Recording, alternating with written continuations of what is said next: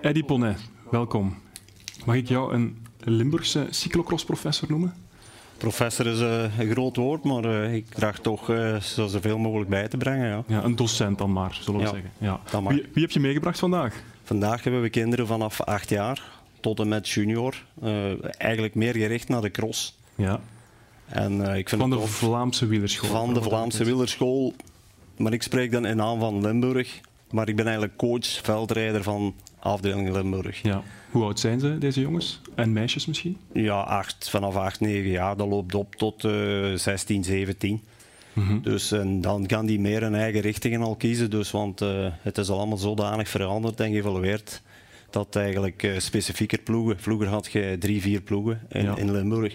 Nu zijn er kleiner ploegen, maar die houden zich dan echt bezig ook met de facetten van veldrijden of mountainbike. Hoe lang doe jij dit al? Eh, ik ben nu het 35e jaar bezig. Oké.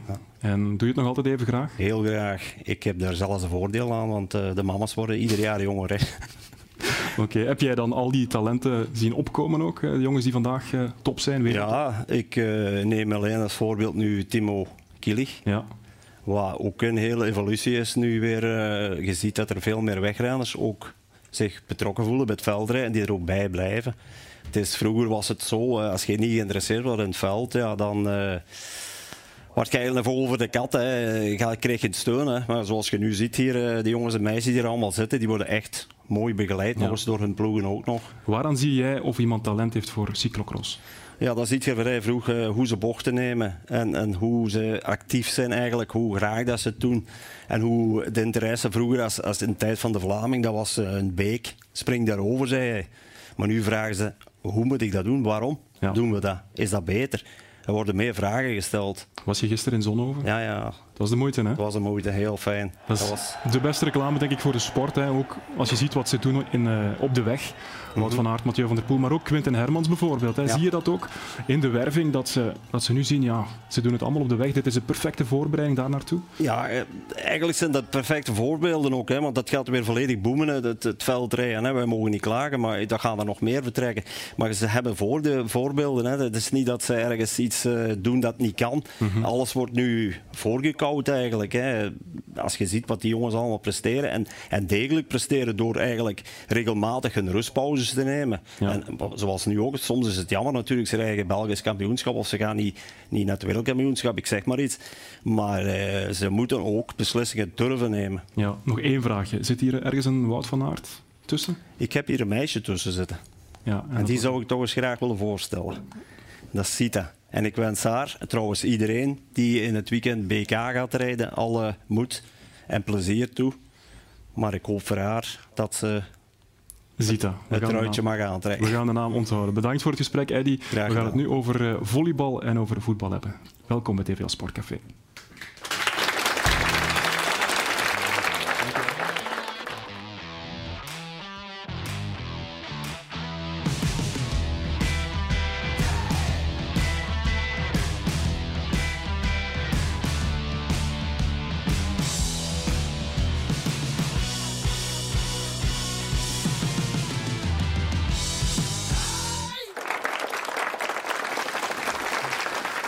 Een hele goede avond. Welkom bij nieuwe TVL Sportcafé, de eerste van 2023. Dus eerst en vooral mijn beste wensen aan iedereen thuis, maar ook hier eh, in ons Sportcafé. Greenyard Mazijk mag zich opnieuw de Club van Limburg noemen. Dat mag als je de derby wint van Tectum Achel. Daar gaan we het straks over hebben met de coach van Tectum Achel, Jan van Venkendraai, en de aanvoerder van Greenyard Mazijk, Jolan Cox.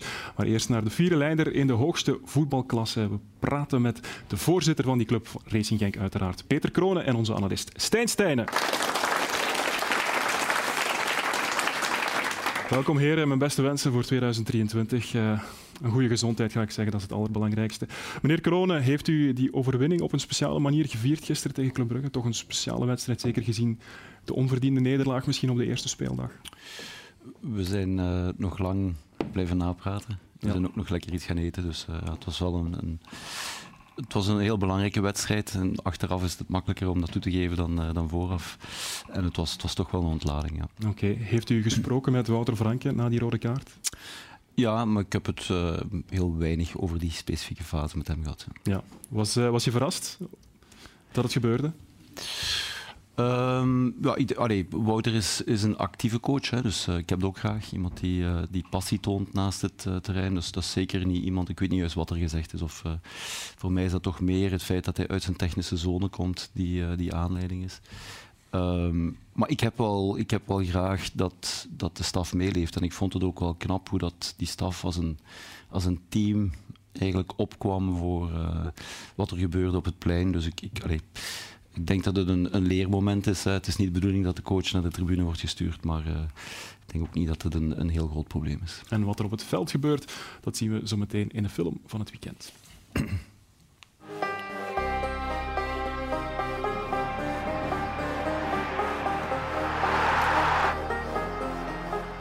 Jetzt sind sie natürlich ein bisschen ja, niedergeschlagen, aber ich habe sie wieder aufgebaut. Ich habe gesagt, Jungs, Kopf hoch, wir können hier mit erhobenen Hauptes nach Hause fahren.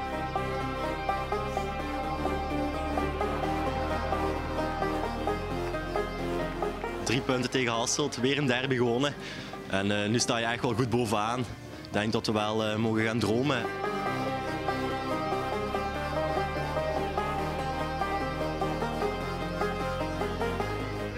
Wat gaan winnen, hè? Ja, ik hoop het. Zeker Wout van Aert. Ik support er ook voor hem.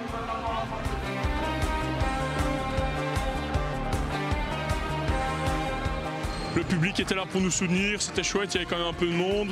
Voilà, j'incite les gens à venir euh, mercredi contre euh, Budjovice. Ons mama die is gekomen, de eerste wedstrijd die ze ooit heeft gezien in haar bijna 80-jarige bestaan. Dus uh, ze was een beetje boos op mij dat we verloren hadden.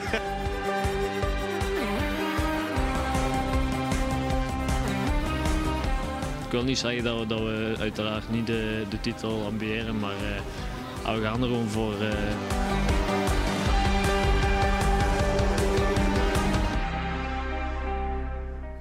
Ja, de aanvoerder met de 3-1, Brian Heijnen. Stijn, vond je, vond je het een verdiende overwinning voor Racing Genk gisteren?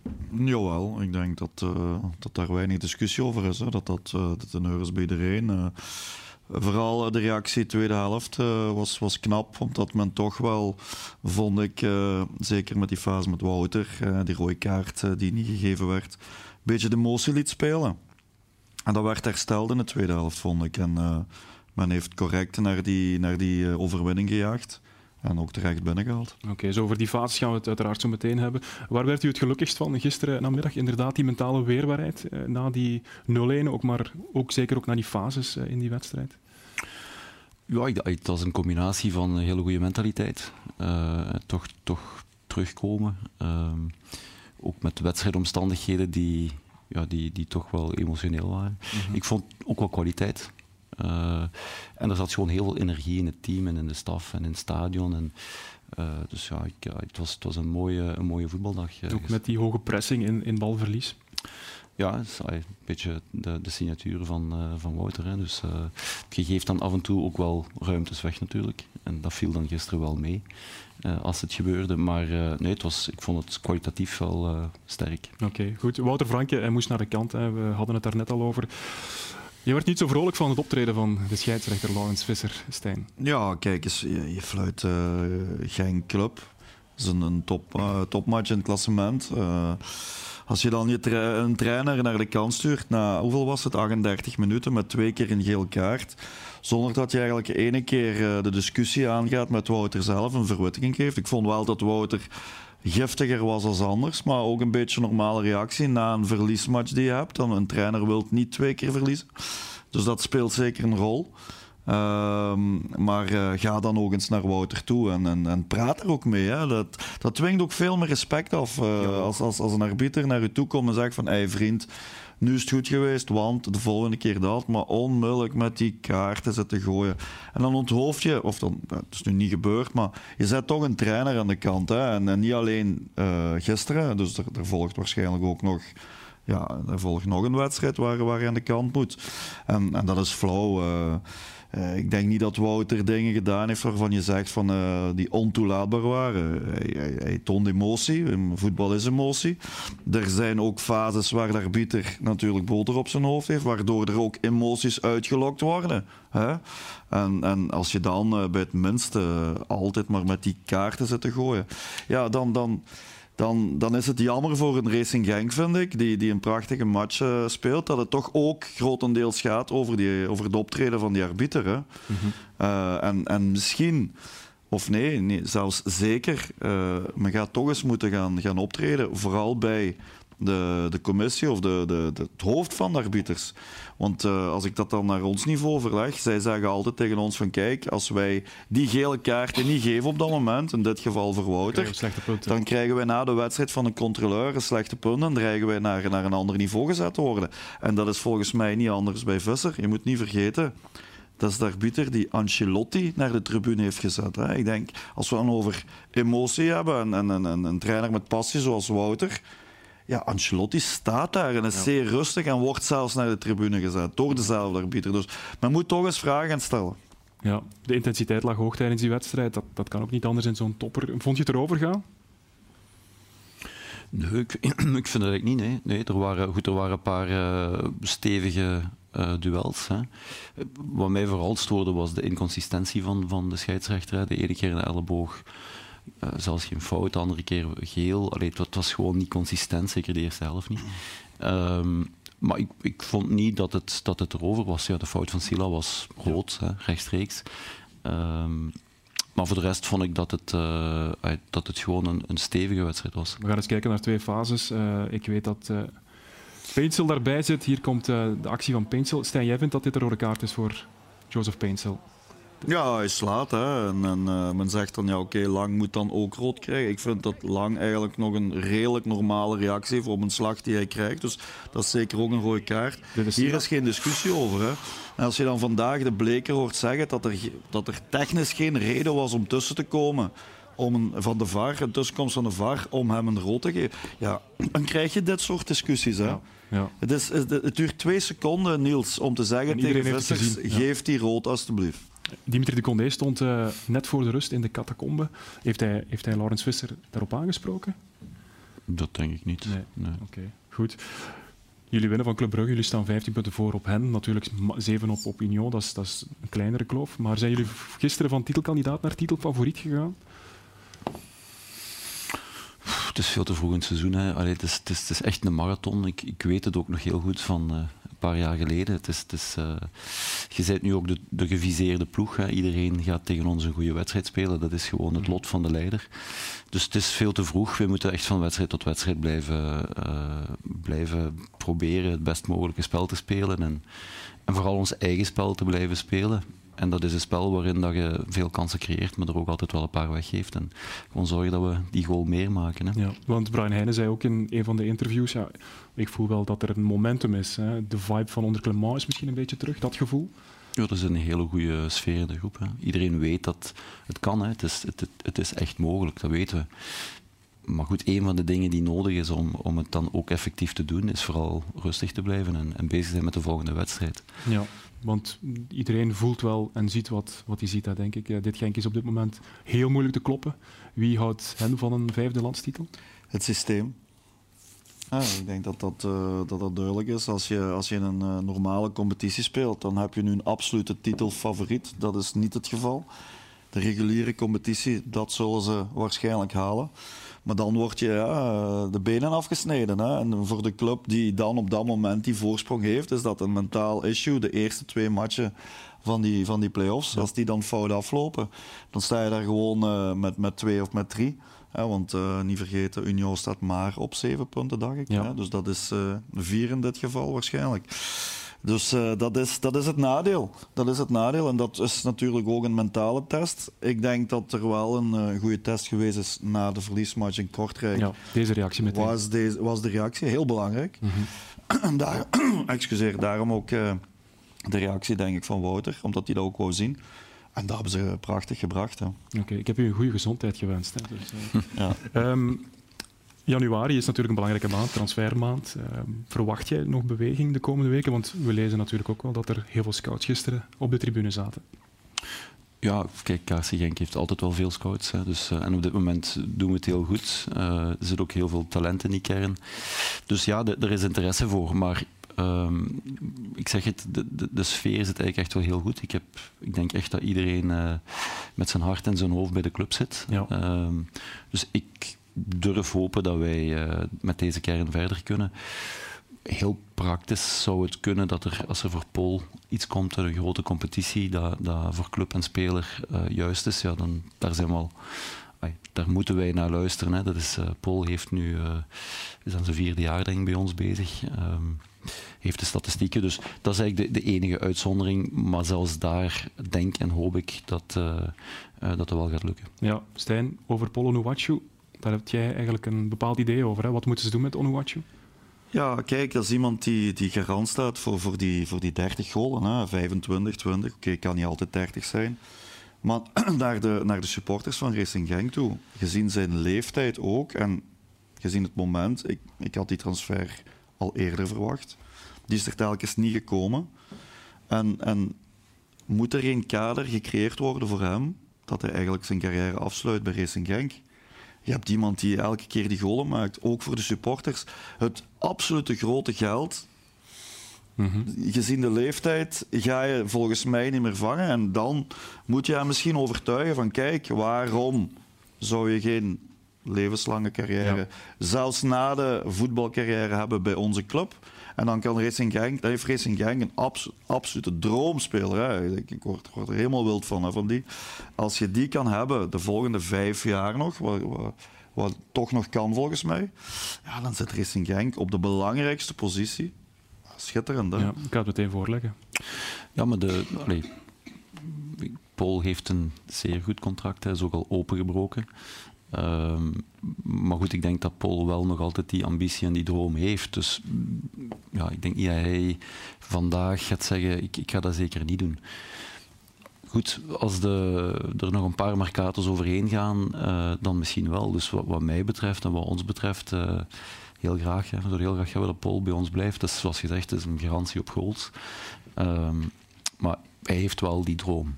En, en die ambitie. Dus uh, ik denk niet dat hij die deur uh, wil sluiten. Maar ja. wordt er iets nieuws gecreëerd? Dat men zegt van kijk, okay, goed, er staat een stevig contract op dit moment, maar laten we misschien eens nog verder denken. Wordt daarover nagedacht? Of uh, laat je de zaken op je afkomen? Nee, maar de contract is niet zo heel lang geleden opengebroken. Ja.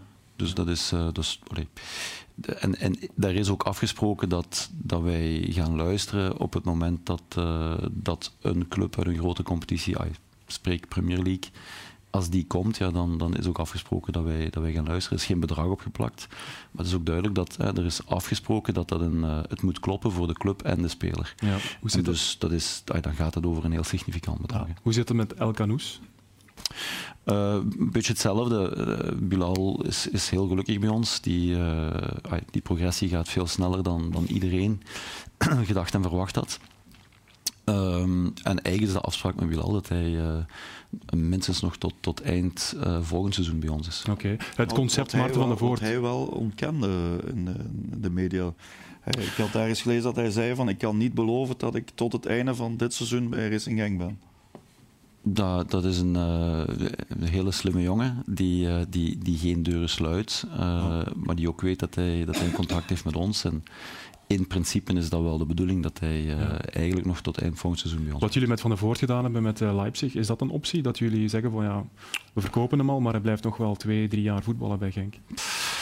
Goh, ik weet niet of dat een optie is in die zin dat, dat wij... Allez, wij schatten Bilal echt wel in als een absoluut toptalent, maar echt absoluut toptalent dan. En dan internationaal toptalent. Mm -hmm. uh, dus ja, wat ons betreft is ook een jongen die allee, in principe het, het Belgisch transferrecord moet kunnen breken.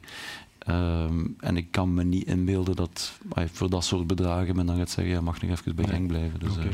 Het Bas heeft jullie vandaag ongelijk gegeven, want jullie wilden graag die kalender een beetje aanpassen. Vijf wedstrijden op twaalf dagen, met telkens maar twee dagen rust. Jullie zeiden van, nou, dit brengt spelers in gevaar. Ja, dus allee, dat, is een complex ding. Hè. Die kalender is een complex ding en we hebben een, een competitie met 40 uh, eh, wedstrijden. Dus allee, dat is een zware kalender, daar moeten we niet flauw over doen. Uh, en zeker als je Europees speelt. Goed, we spelen nu niet Europees. Uh, maar er is een, een, uh, een, een regel en een wijsheid. Hè. De wijsheid is, een speler heeft in principe drie dagen recup nodig na een wedstrijd. Er is een regel die zegt, uh, het moeten er minstens twee zijn. En dat is om uitzonderlijke situaties mm -hmm. op te vangen. Nu krijgen wij vijf wedstrijden na elkaar met twee dagen. Ja, daarvoor is die regel uh, niet gemaakt. Die regel is gemaakt om dat te hanteren als een uitzondering. We hebben geen probleem dat dat is gebeurd. Uh, en zelfs twee keer na elkaar kan het gebeuren. Maar vijf keer na elkaar, ja, dat, is, dat is gewoon geen rekening houden met de gezondheid van de spelers. Oké, Stijn?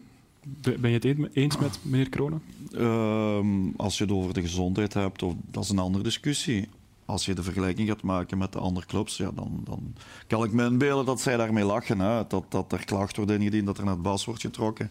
Uh, een Union, een Club Brugge. ik herinner me Club Brugge van 1 oktober tot 13 november, 13 wedstrijden. Eigenlijk elke, van ah, heel die periode uh, midweek, uh, weekend. Maar men telt niet in dagen, hè, men telt in uren. En als je, als je een zondag om, om drie uur speelt en je speelt dan pas woensdag terug om acht uur, dan, ja, dan, zegt, uh, dan zegt de club meestal van oké, we hebben maandag en dinsdag als recup gehad, maar het zijn de uren recup ja. natuurlijk die voor het lichaam geteld worden. En daar vind ik, ja goed, dat dat, dat, dat een beetje flauw is. Zeker ten opzichte van de voordelen die je gehad hebt naar, naar concurrenten zoals Club en Union, waar je dan toch ook een, een ruime voorsprong hebt kunnen opbouwen, omdat je minder belast werd. Daar word je dan nu mee geconfronteerd. En ja, goed, dan, dan, dan vind ik ook dat Genk moet zeggen van kijk, dit hoort erbij. Hè. Als we de top willen spelen, als we de prijzen willen pakken, dan weten we dat we in een, in een, in een periode komen dat wij om de drie dagen wedstrijd hebben. En, en dat, dat, dat mhm. is normaal. En uh, dat komt nu, na ook een redelijk langere break, hè, die ze eigenlijk nooit, door, door het WK dan ja. uiteraard. Uh, en daar moet men mee kunnen omgaan. Ik vind dat, dat Racing Genk daar ook alle, alle potentieel voor heeft om te zeggen van oké, okay, dat, dat handelen wij af. En door zo'n acties vind ik toch dat, dat zo'n zelf achter die topclubs weer zetten. En ja. Dat is niet nodig. Ik ga laten antwoorden. Ja, ik ben het er niet mee eens. Ten eerste, uh, Brugge heeft dat niet gehad. Die hebben wel heel veel uh, momenten gehad dat ze drie wedstrijden per week gespeeld hebben, maar nooit de opeenvolging van zoveel wedstrijden na elkaar met twee. Union heeft het wel één keer gehad, die hebben vier wedstrijden met twee dagen ertussenin gehad. Uh, maar wat ons vooral voor de borst stoot, is dat het anders kan. En dat alle uh, stakeholders in dat proces ook zeggen tegenstanders, van, voor ons, tegenstanders, rechtenhouder, één zegt het kan, alleen de kalendermanager zegt ja nee, ik doe het niet. Okay. En dat is, uh, dat is gewoon uh, frustrerend. En dan blijven wij ijveren voor het aanpassen van die regel. En dat is wat we ook gaan doen. We, we, de, de, regel is gewoon misbruikt. Oké. Okay. Goed, het is tijd voor volleybal.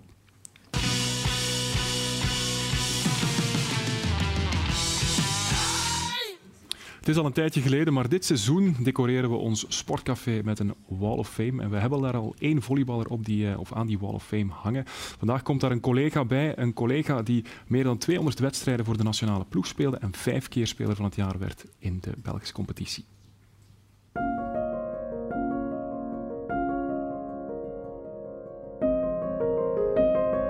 Op uh, het Kruiscollege, daar uh, ja, op de pleinen. En uh, ja, automatisch had een klascompetitie. Ja, dat bestond niks anders als, als volleybal. dus wij speelden met een klein tennisbalken speelden wij volleybal. En zo was het niet meer gestopt. na het Heilig Kruiscollege ben ik dan naar Mazijk gegaan. En daar hebben we de eerste keer ja, van twee nationale naar eerste nationale kampioen gespeeld DNV Motors als, sponsor. Dan drie jaar Mazeik en dan uh, naar Maasmechelen. De vijand, de, uh, ik denk dat op dat moment uh, mij iedereen in Mazeik haatte. Allee, dat is niet overdrijven, maar als je dan hier in Mazeik kwam spelen, dan was het toch spandoeken van Eddie Money en zo verder. En dan had je misschien duizend frank gekregen voor een seizoen. Een heel andere wereld terecht. De eerste keer dat voor mij echt professioneel. Dat dat echt, uh, ja. Toen heb ik ook, uh, zoveel heb nooit getraind als toen. En uh, daar is de eerste keer beste speler van België geworden. dus voor mij was dat wel de grote sprong naar, naar topsport. Belangrijker ook het nationaal team geworden. Als kapitein en, en ja, dat, is, dat is voor mij de grote sprong naar, naar topvolleybal. En op een zeker moment heeft hij gezegd van, uh, ja, ik wil wel iemand die een rechterhand, want ik heb een aantal taken die ik van mij af moet stoten. En ik heb zondags officieel gesolliciteerd en hij heeft mij officieel uitgenodigd voor een, uh, voor een sollicitatiegesprek. En in 84 uh, ben ik begonnen bij Matti. Ja. En na een jaar hij van, zegt het is wel een beetje belachelijk, ik ben voorzitter van de volleybal en gespeeld bij Genk. Laatste jaar van mij in seizoen 90, 91, uh, beker en kampioen gespeeld en beste speler. Uh, gestopt, 33 jaar, maar wel als technisch directeur te beginnen. De eerste in, in België in het volleybal. De eerste keer met Matti sprak over Anders Christiansson. Ja, uh, even uh, gisteren te veel gedronken of wat, uh, waar ben je over bezig? Anders Christiansson is coach in Italië. is een van de betere. Is coach van de nationale ploeg van Zweden. Heeft finale gespeeld van de WK. Waar, praat je over? Hm? Ik ga er toch een keer mee proberen te babbelen. En na drie maanden was ik erin geslaagd van hem aan de lijn te krijgen. Ja, toen is de basis gelegd van eigenlijk het professioneel volleybal in Mazeik. Ja. Daarvoor waren we eigenlijk nog altijd amateur. Ja. Maar toen was het uh, fenomenaal. Ja, met uh, 14, 15 titels, ik kan ze al niet meer tellen, een beker en, uh, en natuurlijk ook Europees. Uh, ik vind sowieso dat het tijd is voor, uh, voor mijn leven natuurlijk voor andere dingen gaan te doen, maar ook voor uh, dat de, de jeugd overneemt. dat doe je pas als je een stap opzij zet. Ja. En dan hebben we natuurlijk met Jattemaan hebben we natuurlijk iemand die daar of, of, minstens even fanatiek mee bezig is. Maar nee, volleybal supporter uiteraard van, van Ja, Eddie Evens, een uh, levende legende in het Limburgse volleybal. De uitbreiding het uh, Belgische volleybal. Hij krijgt ook een mooi plekje. Lisa, geef hem maar een plaats daar aan de toog. Volgende week een nieuwe Wall of Fame. En intussen zitten er twee nieuwe gasten aan de tafel. Jan van Venkendraai en Jolan Cox. Welkom heren. Jolan, jij kent Eddie goed hè? van bij Mazeik uiteraard. Ja, ja, ja, inderdaad. Maar je hebt hem nooit zien volleyballen, daar ben je te, te nee, jong nee, voor. dat heb ik uh, nog net gemist. Jan, jij wel. Je bent ook een Mazeikenaar. Ja, Veel de mensen eerste weten stapje dat. stiegen de sport al zet, zetten in der tijd. Toen was ik tien jaar. Heb ik Wim Segers samen met Eddie zien spelen. Matti Raadschelders Zaliger was mijn buurman. Dus uh, Joop Raats kwam ook in het uh, interview voor. Uh, die mannen ken ik heel goed, ja. Ja, en hoe goed was hij? Want uh, ja, onze generatie heeft hem niet zien volleyballen. Ja, ja wat, uh, wat Eddie heel, heel voor mij belangrijk heeft gemaakt, is de sprongopslag. Daar was hij de eerste, een van de eerste spelers van die dat deed in België. En wat hij anders deed dan de spelers nu, is een hele lange aanloop. Hij had een aanloop van 7, 8 meter. Okay. En die bal die ging van links naar rechts, echt een balgoochelaar. Soms draaide hij hem rond zijn rug, gooide dan op en dan deed hij zijn sprongopslag. Dus dat was echt... Um, heel tof om te zien. En daarna heb ik hem ook leren kennen als technisch directeur. Ik ben dikwijls op zijn bureau geweest. En ik heb ook zijn zoon in de les gehad, dus ik ken hem heel, heel goed. En zijn zonen ken ik ook heel goed. goed. Is de derby tegen Mazeik is die al verteerd? Want jullie hebben met 3-0 verloren in de Steengoed Arena. Ja. Ik zie Jolan glimlachen. um, is de derby verteerd? Um, ja, dat duurt altijd een paar dagen langer, ja. zal ik het zo zeggen. maar er waren kansen in set 1. Ja, ik denk het wel. Vooral in de eerste anderhalve set was Mazeik niet op niveau. En dan weet je dat er kansen zijn voor, voor een ploeg als de onze. Um, en we hebben wat kansen laten liggen, denk ik. En um, dat is nog een beetje wat moet verteerd worden, denk okay, ik. Ja. Je krijgt meteen uh, hulp om uh, die nederlaag door te spoelen. Jolan, was het een logische zege wat jou betreft? Ja, uiteraard waren wij favoriet. Voorlopig zijn wij altijd, nog altijd de favoriet in de, in de derbies. Um, maar inderdaad, we waren wel redelijk wisselvallig gestart. Uh, maar uh, uiteindelijk trekken we toch aan het langste eind en uh, halen we de volgende twee zetten ook nog redelijk vlot binnen, denk ik. Ja, een derby zonder Johan Cox op het veld. Dat was ja. even wennen. Hoe kwam dat? ja, dat is nu het geval in, de, in topsport. ik heb een, een hele goede jonge concurrent en ja, ik moet serieus vechten voor mijn plaats op het veld. Ja. ja. Maar dat is moeilijk, neem ik aan, voor iemand met jouw staat van dienst. Ja, uiteraard. Ik heb altijd al eigenlijk, uh, elk seizoen eerst een opposit geweest en dit jaar wordt er veel meer gewisseld. maar ja, je weet dat er uiteindelijk een moment komt dat, er, dat de jeugd komt aankloppen en dat is nu het geval. Het is niet zo dat het werd afgesproken, want er komt Europees volleybal aan. Mm -hmm. is dat afges was het afgesproken of, of, was het echt puur sportieve keuze nu in functie van uh, Ja, dat, is een beetje van beide kanten denk ik ook. Uh, ik heb natuurlijk ook woensdag wel iets dat in mijn rug was geschoten, dat nu wel is opgelost ondertussen. Ja. Maar, uh, maar ja, je moet ook niet ontkennen dat hij enorm talentvol is en dat is zeker verdiend om te spelen. Oké, kan, kan je aanvoerder zijn als je in die huppelhoek staat? Ja, zeker. Uh, dat is natuurlijk wel veel moeilijker. Ehm, want ja, je zit niet mee. Uh, het gevoel op het veld mist het toch nog altijd een klein beetje. Je ziet wel hoe dat uh, match gaat en, en, waar het de fouten liggen. Maar de echte sfeer en de energie op het veld, dat miste soms wel. Ja. Oké, we gaan eens kijken naar de man van de avond afgelopen zaterdag. Dat was deze 19-jarige Martin Perrin. Hij deed terug mee drie maanden geleden, iets langer zelfs. een hartaanval gekregen. Hoe, ja. hoe is het om, om hem terug bezig te zien? Ja, fantastisch. Hè. Van het moment dat hij terug op training verscheen, uh, ja, dat doet ook deugd om die terug te zien. Ook een enorm talent en uh, blij dat hij nu terug kan volleyballen. Uh, hij is ook enorm terug blij dat hij op het veld kon staan. En je merkt direct de eerste match wat hij weer kan. Hè. Dat is ongelooflijk dat hij direct terug dat niveau aanhoudt. dat is fantastisch. Ja. Zit er een zekere voorzichtigheid in, in de spelersgroep na, na wat er gebeurd is? Uh, op zich wordt er nu redelijk weinig rekening gehouden. Hij heeft wel een tijd een uh, hartslagmeter en hij mag niet boven 180 gaan, denk ik, of zoiets. Uh, en plus hij een defibrillator ingebouwd. Dus ja, op zich kunnen wij er op zich weinig aan doen als er iets gebeurt. maar dus normaal zouden. en al zijn testen waren goed, dus hij mag terug voor Oké, even terug naar het sportieve. 9 punten achterstand op uh, Roeselare. Zijn ze te sterk dit seizoen? Goh, um, die negen punten, dat ligt niet alleen aan, uh, aan Roeselaar, want dan zou het er eigenlijk maar drie moeten zijn als we alleen maar Roeselaar hadden verloren. Ik denk dat we zelf uh, een beetje te wisselvallig spelen en uh, te veel punten in het begin van het seizoen hebben laten liggen tegen de mindere ploegen. Allee, waar wij het favoriet zijn, toch te veel punten hebben laten liggen. En ja, nu staat er op negen punten. Um, maar Roeselaar nu zeker te kloppen, maar ze zijn wel zeer sterk dit jaar. Ja. Want jullie kregen ook in de beker denk ik een, een 3-0 om de oren. Was dat toch even verschieten om te, om te zien van ja, dat niveauverschil is dit seizoen wel groot? Ja, um, we hadden de eerste match inderdaad 3-1 verloren en dan de terugmatch uh, starten we heel zwak, maar echt uh, heel zwak. En je moet dan al 3-0 of 3-1 winnen om dan nog een kans te maken. En uh, ja, we starten te zwak en dan loopt het direct achter de feiten aan en het werd dan gewoon veel te moeilijk. En, en ze spelen dan wel op een goed niveau. En dan, ja, dan krijg je 3 om je oren. Ja. Bagdadi moet er nog bij komen. Jij kent die wel hè, bij Mazek. Die moet een extra impuls geven. Ik denk dat, um, dat met de terugkomst van Perrin en met Bagdadi erbij, dat, uh, dat het een ander Mazek wordt.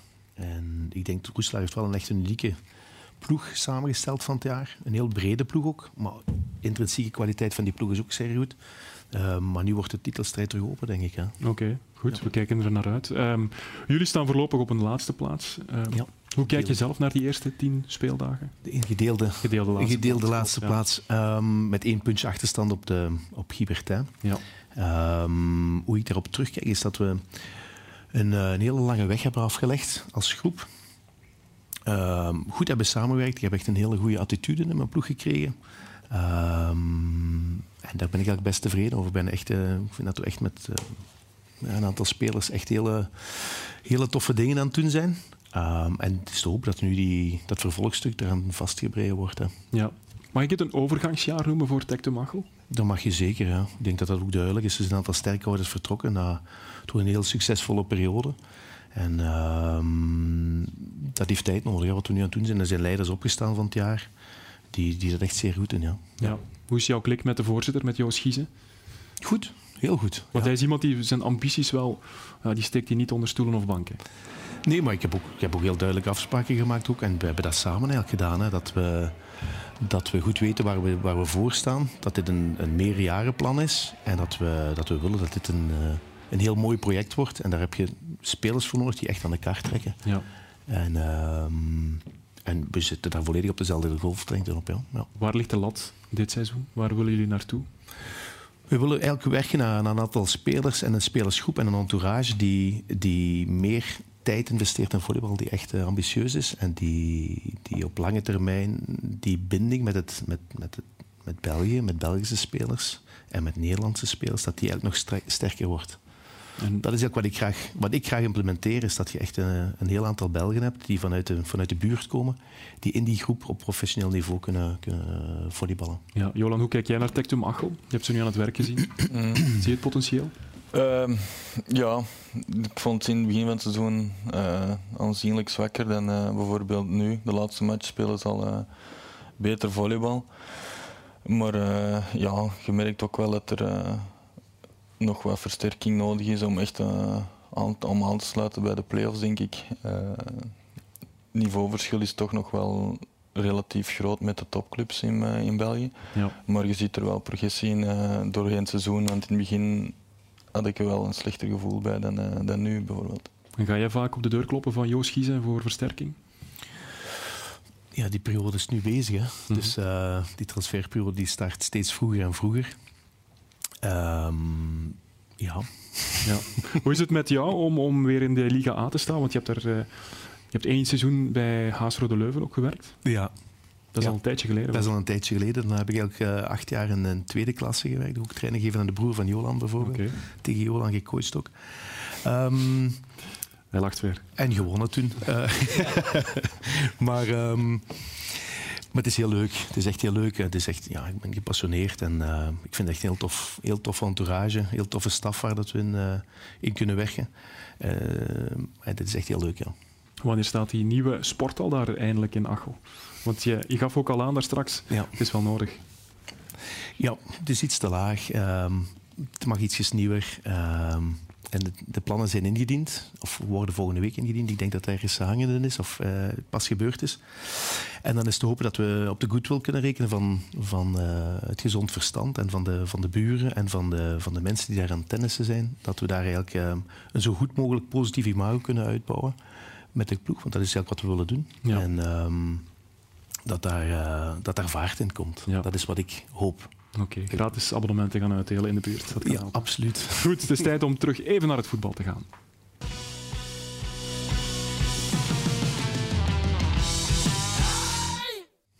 Net voor het WK viste Elise Mertens Salim Zizi uit onze beker. Dat is een jeugdproduct van Racing Gang. Dus ik denk dat hier een voorzitter aan tafel zit die met heel veel aandacht gaat kijken.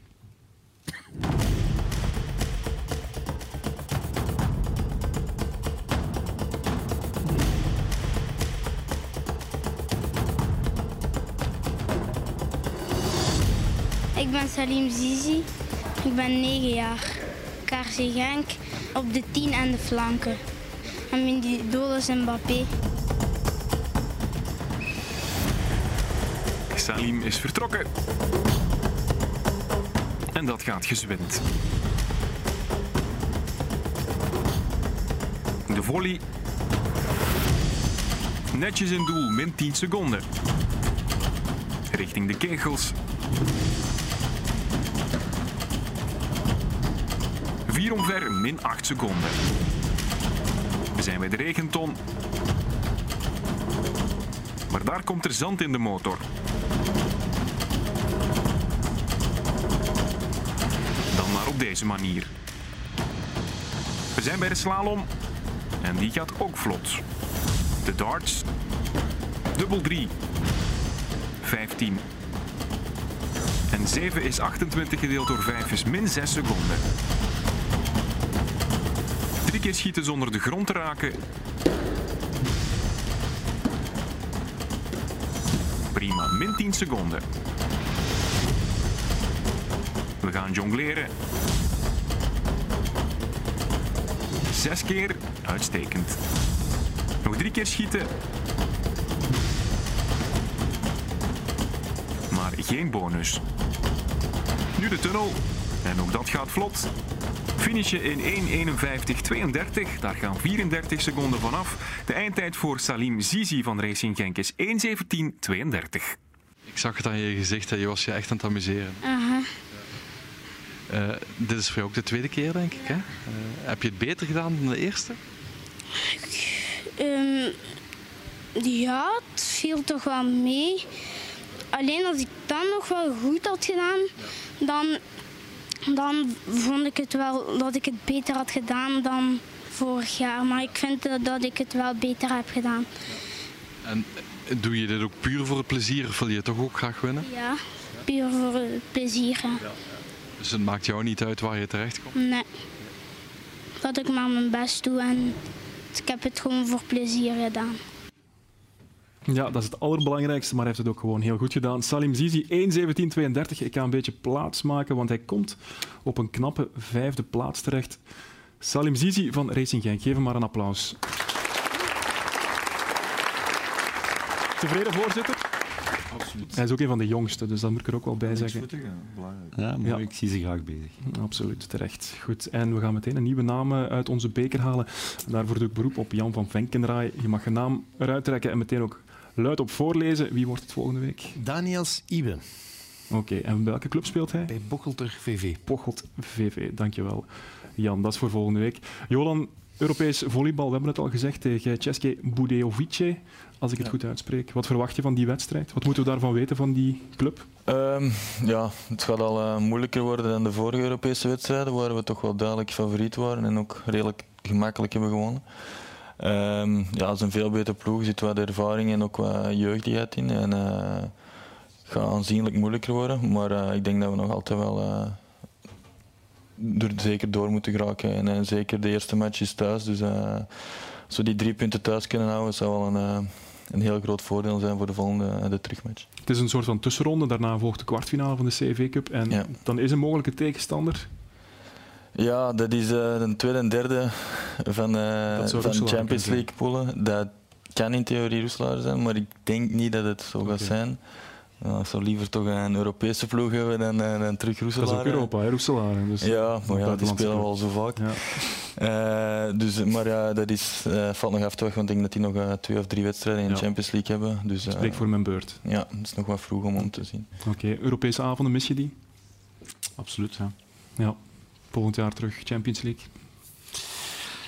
Ik hoop het. Ja, oké. Ik ga iets anders vragen. Misschien een, eh, een zwaar dossier om mee te eindigen, want onze- onze tijd zit er bijna op. Propere handen, er zijn die middel- middelijke schikkingen geweest.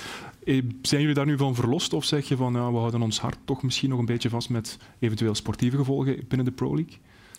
Nee, de club is eh, nooit vervolgd. Eh, en de, de personen betrokken bij de club die eh, in het dossier zaten, hebben uit de kans gekregen om die schikking te treffen. En daarmee is voor hen ook het dossier gesloten. Dus Ja, omdat dat geen schuldbekentenis is, die middelijke schikking. Zo is dat, zo wordt dat juridisch gezien. zo is dat, ja. Ja, want Vincent van Quickenborne, minister van Justitie, had daar wel begrip voor dat mensen daar kritiek op hebben. Dat die middelijke schikkingen getroffen worden en dat er dan ja, geen vervolg komt. Ja, ik, ik begrijp dat daar kritiek op kan komen. Nu, de realiteit is dat eh, die wetgeving eh, heeft het voetbal niet gemaakt. Hè. Die, eh, die wetgeving was er. En die wordt toch ook wel heel selectief toegepast. Dus dat is toch ook wel een, allee, een, een, een signaal dat voor de... Want niet iedereen in dat dossier heeft die kans gekregen. Ja. Dan zou dat ook duidelijk zeggen. Dus dat is voor, voor de, de lichtere en de misschien ook wat minder zware dossiers qua, qua bewijslast heeft men die kans geboden. Ja, goed. Dus, eh, ik denk dat dat een, eh, een, een, een technische, maar correcte oplossing is. Oké. Stijn, wou jij nog iets zeggen? Ja, dan staan we toch toe om te eindigen, denk ik dan. eh, met eigenlijk het allermooiste moment. Want daar hebben we het niet over gehad eh, gisteren in Genk. Het, het erdoor krijgen van de, van de Genk-supporter. Zelfs medewerker van de club. Ja. Ik denk dat dat toch het, het allerbelangrijkste is. Boven alle sportieve gebeurtenissen. Blijkbaar schitterend werk geleverd eh, door de stewards. Dus ik denk dat, dat Genk ook op dat vlak, want het, het moet maar eens gebeuren dat je op zo'n moment dan dat voorkrijgt. En dat is niet gebeurd dankzij het, optreden van de stewards. En vooral belangrijk dat die, dat die Genkman eh, ja, rustig kan herstellen. Absoluut. Ja, net zoals Martijn Perrin, we, we hadden het daar net al over. Misschien nog één vraagje. Antwerpen eh, komt op bezoek in de beker. Eh, de dubbel, een objectief op zich. Wedstrijd per wedstrijd. Ja. Dus, eh, We gaan het er niet uitkrijgen vandaag. Hè? Nee. Oké. Ik ga jullie allemaal bedanken voor jullie komst. Jan van Venkendraai, Jolan Cox, Stijn Stijnen, Peter Kronen en de mensen uiteraard van de Vlaamse Wielerschool. Geef hen maar een staverend applaus. Een applausje voor uzelf. Voilà. Eindigen doen we met Sander Gillet en Joran Vliegen die hun eh, zesde toernooizege gepakt hebben in het dubbelspel. Dan heb ik het over tennis uiteraard. Ze deden dat in Pune in India en laat het alsjeblieft een goed voorteken zijn voor de Australian Open die volgende week maandag begint. Heel graag tot dan.